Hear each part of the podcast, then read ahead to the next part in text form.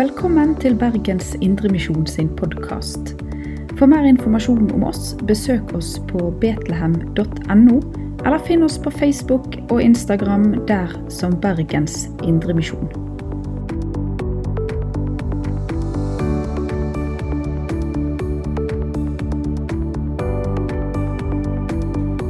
God søndag, alle sammen.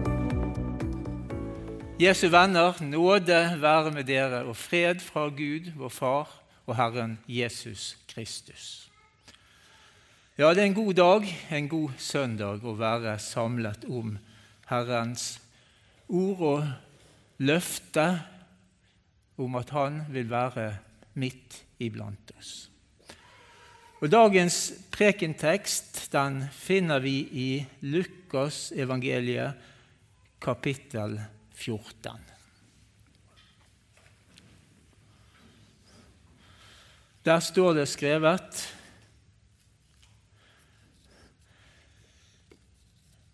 En av gjestene som hørte dette Jesus sa, tal, sa til ham, Salig er den som får sitte til bords i Guds rike.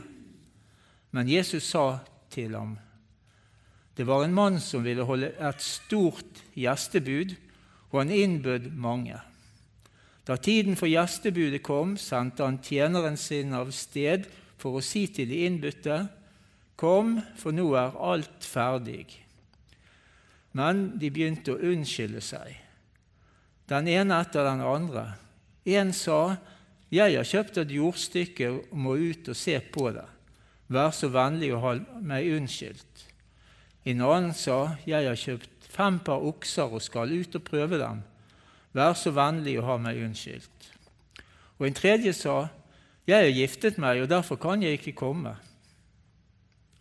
Tjeneren kom tilbake og fortalte dette til herren sin. Da ble husherren sint og sa til tjeneren, Gå straks ut på byens gater og torg og hent inn de fattige og uføre og blinde og lamme. Tjeneren kom tilbake og sa, Herre, jeg har gjort som du, har, som du sa, men det er ennå plass.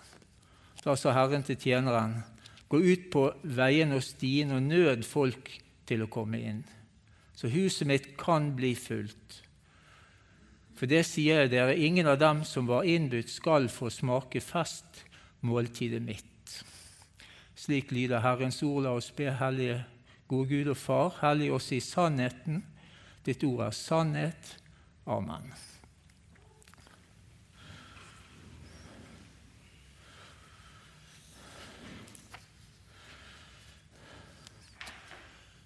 Det var altså slik at det var en som hørte på Jesus når han underviste om oppstandelsen og oppfordringen til å være gjestfri.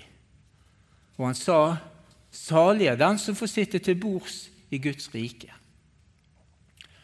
Dette er sant. Man er salig, altså lykkelig og privilegert, når man har fått invitasjon til å ta del i Guds eget festmåltid. De fleste som hørte på Jesus den gang, var jøder som så det som selvsagt at de kom til å være med. Slik er det også i Norge i dag. Det synes for mange selvsagt at alle kommer til himmelen når de dør. Men dette stemmer ikke med Jesu egen undervisning. Det er ingen selvfølgelighet at alle er med når selve bordsetet skjer. Det taler Jesus tydelig om i denne lignelsen han gir sine tilhørere, selv om man altså er invitert. Til lignelsen kan vi se for oss at invitasjonen går ut mens forberedelsene ennå pågår, slik at de inviterte får mulighet til å sette av tid til å være med. Det er altså en invitasjon til et stort gjestebud. Og Det er tydelig at det er en særlig viktig og velhavende person som inviterer. Den som står bak invitasjonen, omtales som Herre. Det er en raus invitasjon. Den går altså ut til mange. Og Vi kan se for oss at det legges til rette for fest og glede. Men nok av det som hører til. musikk, mat og drikke. Og Vi skal også prøve å se for oss at det ble utdelt festklær. Det var ikke så uvanlig å gjøre nettopp det, slik at alle gjestene virkelig kunne føle at de var velkomne. Ja, de skilte seg ikke ut. Og På festen så har nok også verten noe viktig å meddele de som kommer, som er til stede. Etter hvert når tiden er inne, så lyder kallet 'Kom, for alt er ferdig'. Men nå er det altså blitt slik, eller er det slik, at den ene etter den andre av de som opprinnelig hadde fått invitasjon, unnskylder seg og sier:" Jeg har kjøpt et nytt jordstykke som skal ses til. En annen har fem par okser som skal prøves, og en har nettopp giftet seg. Dette er altså i og for seg hverdagslige ting. Det ser ut som det er privilegerte og velstående personer som avviser invitasjonen når dagen kommer. Det er gode ting som hører livet til, disse viser til, men likevel det er alle dårlige unnskyldninger for ikke ta imot invitasjon til gjestebud og fellesskap med Han som inviterer. Ut fra sammenhengen blir det tydelig at det oppfattes som frekt å gjøre slike alminnelige ting istedenfor å si ja til dette gjestebudet. I dag ville det vært som om en heller prioriterer bil og båt hus og hytte, eller lystig fellesskap alene med den en er glad i, i stedet for å ta del i en viktig feiring av en betydningsfull person der man er invitert. Når vi vet at denne fortellingen er gitt oss av Jesus, da skjønner vi at den egentlig illustrerer kallet til det evige nådefellesskapet som kommer fra Gud. Fortellingen bør være til alvorlig ettertanke. Den viser også at et altfor verdslig og dennesidig livsperspektiv kan hindre mennesker fra å ha et rett forhold til sin skaper og herre. Dette er en advarsel vi også leser om i Romerbrevet kapittel 1, der det står skrevet De byttet ut Guds sannhet med løgn og tilba og dyrket det skapte istedenfor Skaperen. Han som er velsignet i evighet. Og videre de brydde seg ikke om å kjenne Gud, og derfor overga Gud dem til en sviktende dømmekraft, så de gjør slikt som ikke sømmer seg. Å dyrke det skapte framfor Skaperen. Det er en alvorlig ting. Som vi sang i den innledende sangen Alt skal en gang svinner bort. Og vi får, får ikke med oss noe ut av dette livet. Da gjelder det å ha sin sak ordnet med Gud mens det ennå er tid. Det er viktig å gi tid og rom for Jesus og hans ord. Vi kjenner at Jesus sier om Maria som sitter ved Jesu føtter og lytter til hans tale. Ett er nødvendig Maria har valgt en god del som ikke skal tas fra henne. Og Skriften minner oss om å prioritere rett mens det ennå er tid. Hebreerne 3,15 sier, 'I dag, om dere hører Hans røst, da forherder ikke deres hjerte.' Da forherder ikke ditt hjerte. Allerede i dag inviteres vi til å høre og ta imot Jesus, for morgendagen kjenner ingen. Å gi rom for Jesus og det ordet som setter oss i et rett forhold til Gud, er helt nødvendig. Livsavgjørende, egentlig. Og dette ord evner å berge oss for evigheten og inviterer oss altså til en herlig framtid. En evig framtid sammen med Gud, sammen med Jesus og sammen med de andre som har tatt sin tilflukt til ham i all evighet. Men vi trenger å vite at vi trenger Jesus. Skriften sier vi har alle syndet og er under Guds vrede. Men det som gikk tapt i syndefallet, har altså Gud opprettet, gjenopprettet, ved Jesu liv, død og oppstandelse. Han er gitt for deg. Han levde ditt liv. Han døde for din skyld og oppsto for at du skulle være rettferdig for Gud. Guds ord sier dette er Guds rettferdighet som gis ved troen på Jesus Kristus. Til alle som tror. Her er det ingen forskjell, for alle har syndet og mangler Guds herlighet. Men ufortjent over Hans nåde blir de erklært rettferdige, frikjøpt i Kristus Jesus. Ham har Gud stilt synlig fram for at han ved sitt blod skulle være soningsstedet for dem som tror. Dette leser vi om i Romerbrevet kapittel 3. Men denne invitasjonen til fellesskap med Gud må tas imot. Selv om vi i dåpen forenes med Kristus og frelsen, så må Guds ord fortsatt høres, mottas og tros slik det lyder. Guds ord er gitt deg som et bud og et løfte i samsvar bl.a. med profetordet i Jesaja som sier:" Frykt ikke, jeg har gjenløst deg, kalt deg med navn, du er mitt, du er min. Og vi skal ikke ha andre guder enn den ene sanne Gud, som har åpenbart seg i Jesus Kristus. Gud trenger å være vår Gud, den vi styrkes av og trøster oss på. Og troen den kan vi altså få fornyet og styrket også i dag, også gjennom nattverdbordet som vi skal få lov å få ta del i.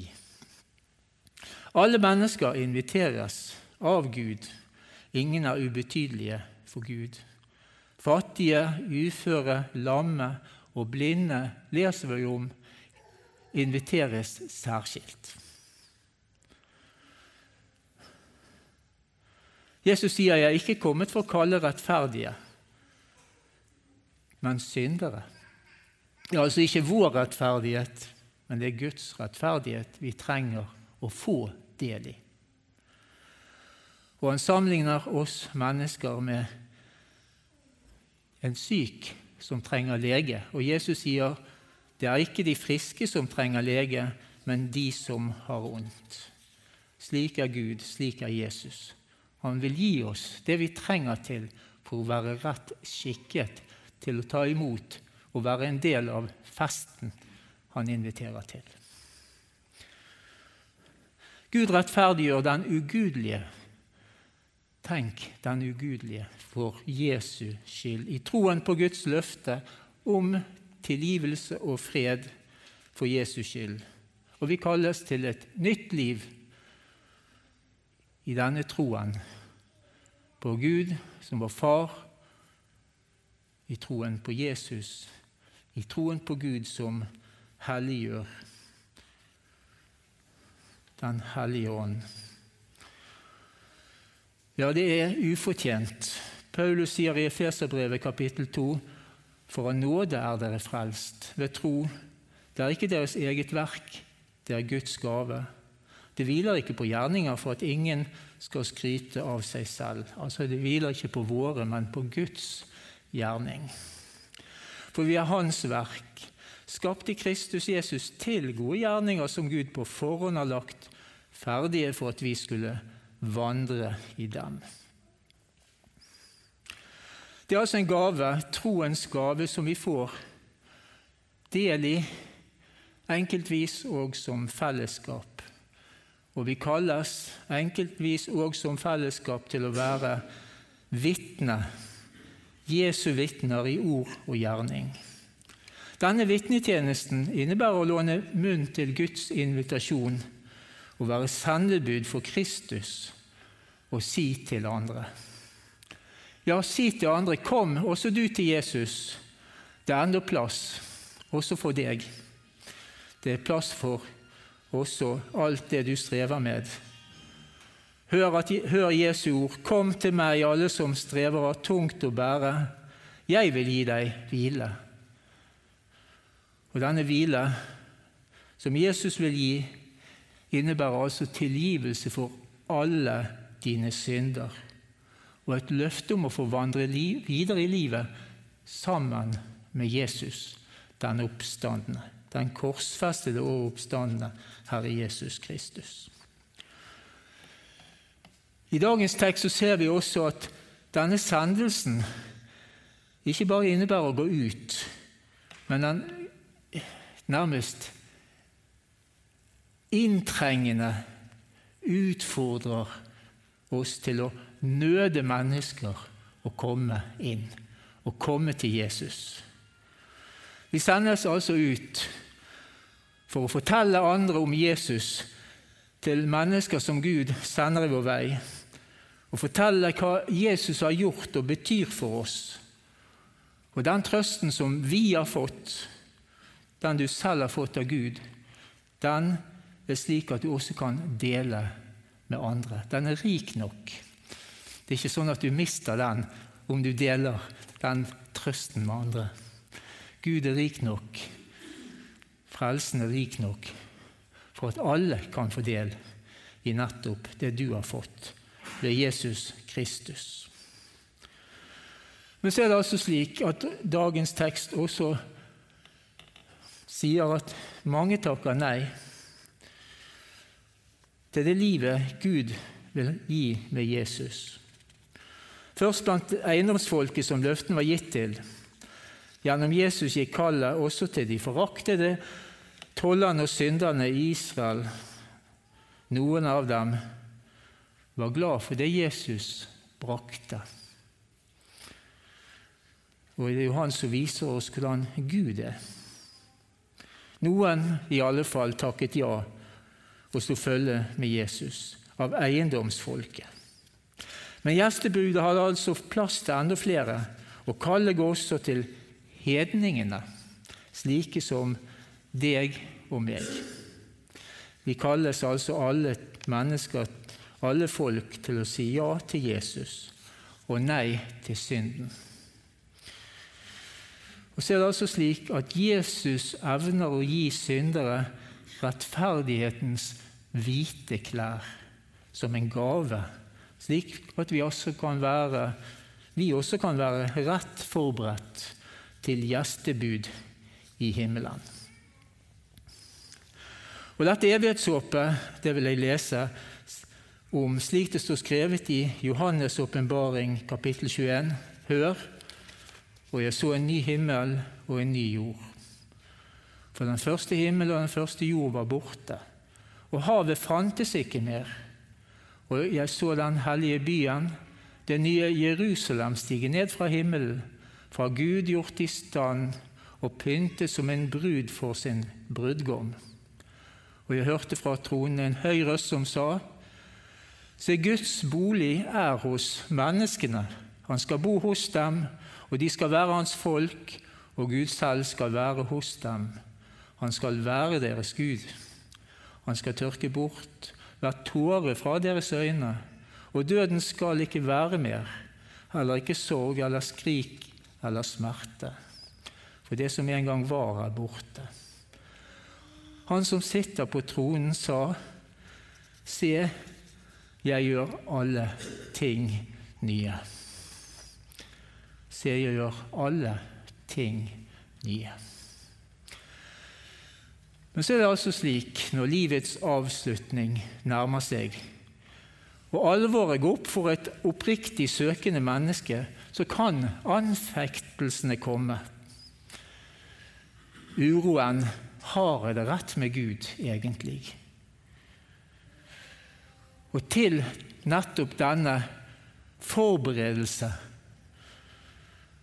den rette forberedelse til å dø, sa Martin Luther at vi trenger et fast og sikkert ord fra Gud. Et slikt ord har vi f.eks. fått gjennom døperen Johannes, som sa Se, det er Guds lam som bærer bort verdens synd. Se, det er Guds lam. Rett blikket på Jesus. Alt han har gjort for deg. For at du skulle være ren og rettferdig, himmelen verdig. I ham. Det gjelder altså å rette blikket, og hvis vi kan være der for noen, hjelpe hverandre og feste blikket på Jesus. Og Vi kan ta forbilde også av røveren som hang der ved siden av han på korset, som sa til den korsfestede Herre, Jesus, husk på meg når du kommer i ditt rike. Hjelpeløs, uten mulighet til å forbedre det livet som hadde vært levd.